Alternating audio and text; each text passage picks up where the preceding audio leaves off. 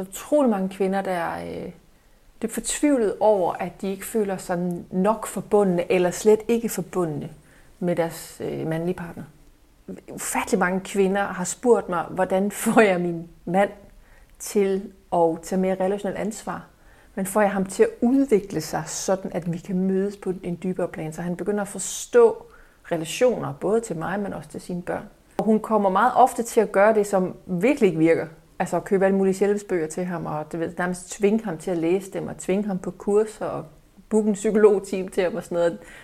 Vil du og, sige, det virker at gøre nej, de ting? det virker helt vildt. Det, jeg forstår det godt, hun gør det. Jeg, ja. forstår, jeg forstår godt hendes frustration. Jeg forstår det godt. Ja. Det virker helt af helvede til.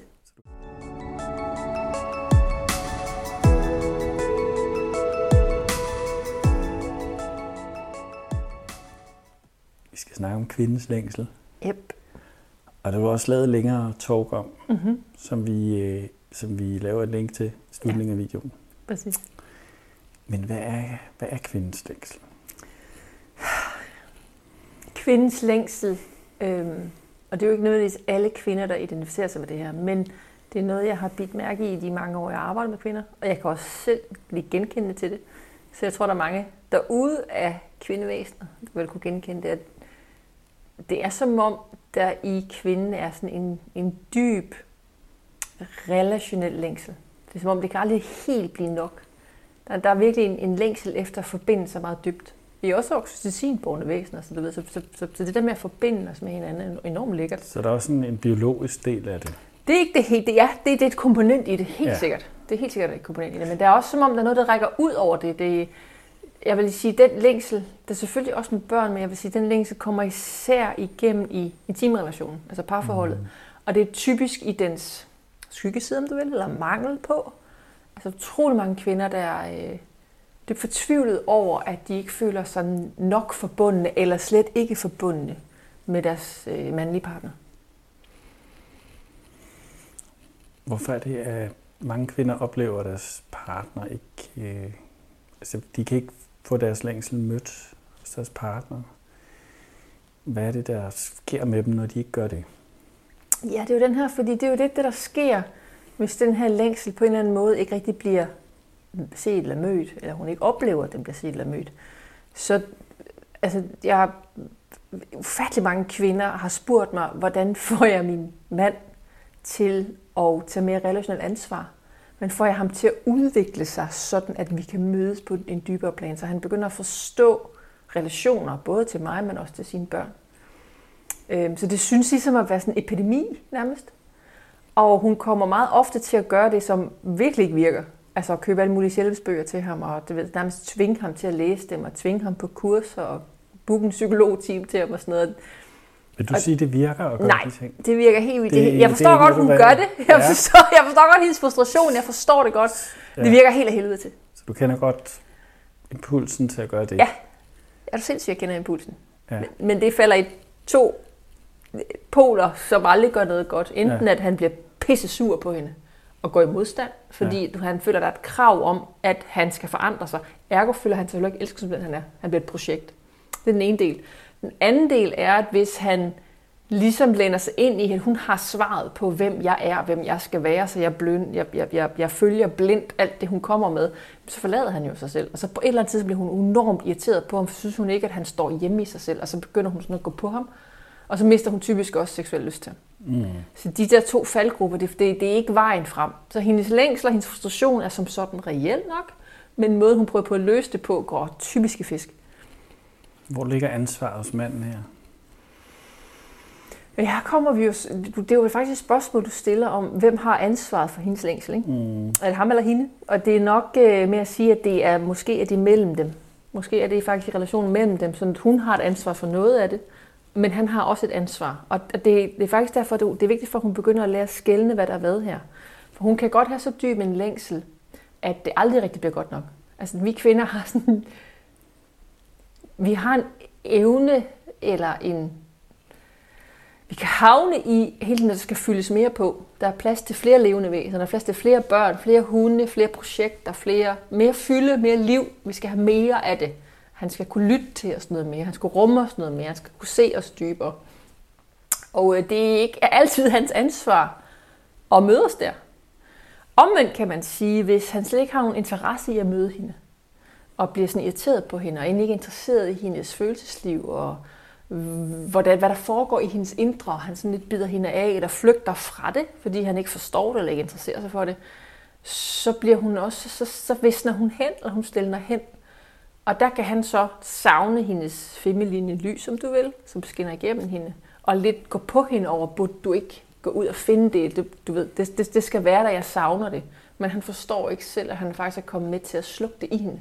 Fordi at han bliver ved med at vende hende ryggen, når hun prøver på forbindelser med ham, eller bliver ved med sådan at flygte ud i sit skur, eller ud at cykle i meget stramt tøj, eller hvad, hvad han nu finder på.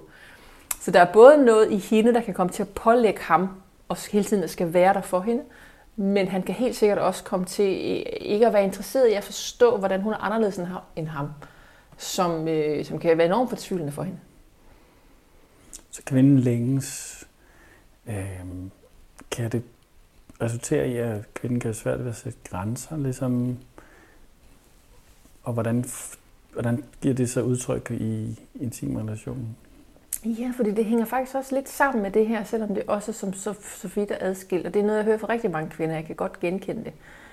At mange kvinder slår sig selv gevaldigt oven i hovedet, hvor de siger, at jeg kan ikke finde ud af at sætte grænser, og du ved, det, det hele det, det, det flyder ud, og jeg kan ikke finde ud af at stå ved den, jeg er, jeg kan ikke finde ud af at sige min speak my truth, og jeg er svag, og hvorfor kan jeg ikke bare finde ud af det? Så der er enormt meget selvkritik i alt det der. Øhm, og det jeg altid fortæller hende, det er, at altså, du er jo blevet båret frem af en evolution, hvor du er mere oxytocinbåret, og du er også i en, i en krop, som har mindre styrke end en maskulin krop, og vi har gået igennem en ekstrem voldsom evolutionær tid. Altså det har været, det har været farligt som menneske. Den lille del i verden, vi bor i lige nu, er ikke specielt farligt, som det har været.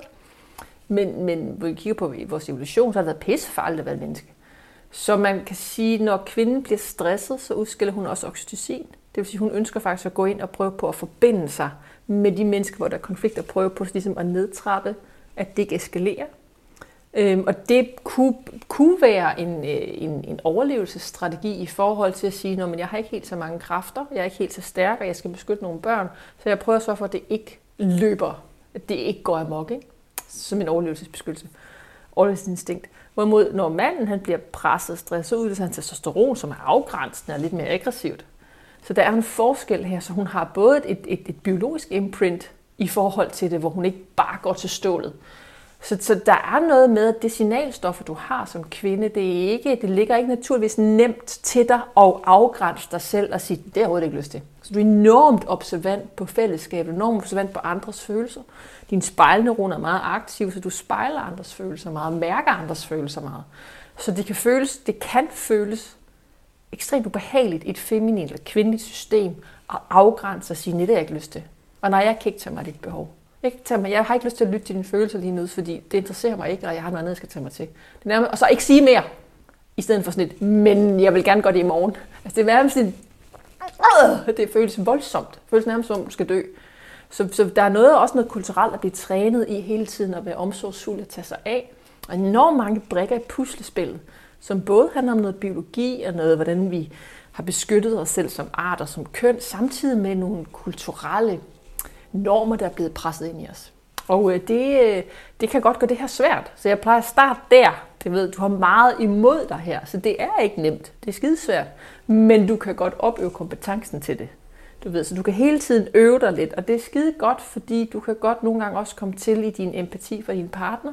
Ikke at sætte grænser, gå med til ting, du ikke vil, eller tilgive ham for noget, hvor du ikke skulle have tilgivet ham, forstået på den måde, du har sagt, okay, sker der igen, den går ikke. Altså, du er simpelthen nødt til at tage dig af det her. Fordi han fungerer bedst, hvis der kommer en konsekvens af den grænse, hun sætter. Så det kan blive sådan meget udvandet. Så grænsesætning for at kunne være i en intim relation er enormt vigtigt. At hun tør i talesæt, hvor hun står, og hun ikke går sådan noget fedt med det. Men det kan føles som om hun dør, når hun gør det. Skal hun turde risikere relationen? Ja.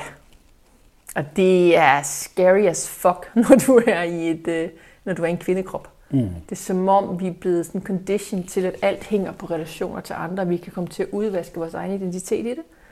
Så det, øh, men det er nærmest som om, at ved at turde risikere relationen, tager han dig også mere alvorligt. Så det, det er enormt vigtigt, at du tør det eller opøver evnen til det. Ja. Så hvad er den største bedrift at lære at skælne imellem her? Hvordan, hvordan øh, vi har ganske kort tid, og mm-hmm. man kan jo høre den lange video, men hvis du skal give øh, ja. et par bullets, uden ja. at gå i dybden her i den her video. Som kvinde, velviden der er mange forskellige kvindekønnet, der er mange enormt mange forskellige måder at være kvinder på, så vil du mærke og sanse enormt meget. Så det, du kan opøve kompetencen til, det er meget hurtigt at skelne mellem, hvad er det, jeg mærker.